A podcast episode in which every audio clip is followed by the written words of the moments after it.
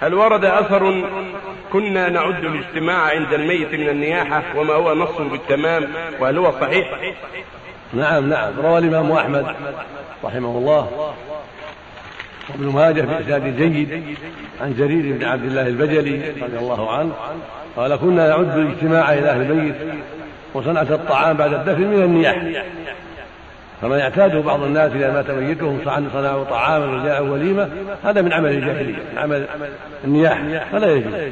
أما كونهم يقهونه قهوة صبوا الجاء الذي جاء يعزيهم يصبوا له قهوه ويرحبون ويدعون له جزاهم الله طيب.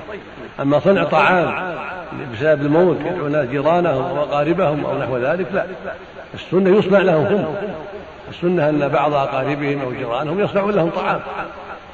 ولهذا ثبت عن رسول الله عليه الصلاة والسلام أنه لما جاء نعي جعفر بن أبي طالب حين قتل في مؤتة في الشام لما جاء نعيه أمر أهل بيته أن يصنعوا طعاما لأهل جعفر وقال إنه اتاهم ما يشغلهم فأما أهل البيت فلا يصنعون شيء للناس. وهذا في بعض البلاد الجنوبية هنا وفي بعض البلاد الأخرى يصنعون طعام يذبحون ذبائح هذا لا يصنع لا يجوز. يذبحون مع مع مصيبتهم تعبا عليه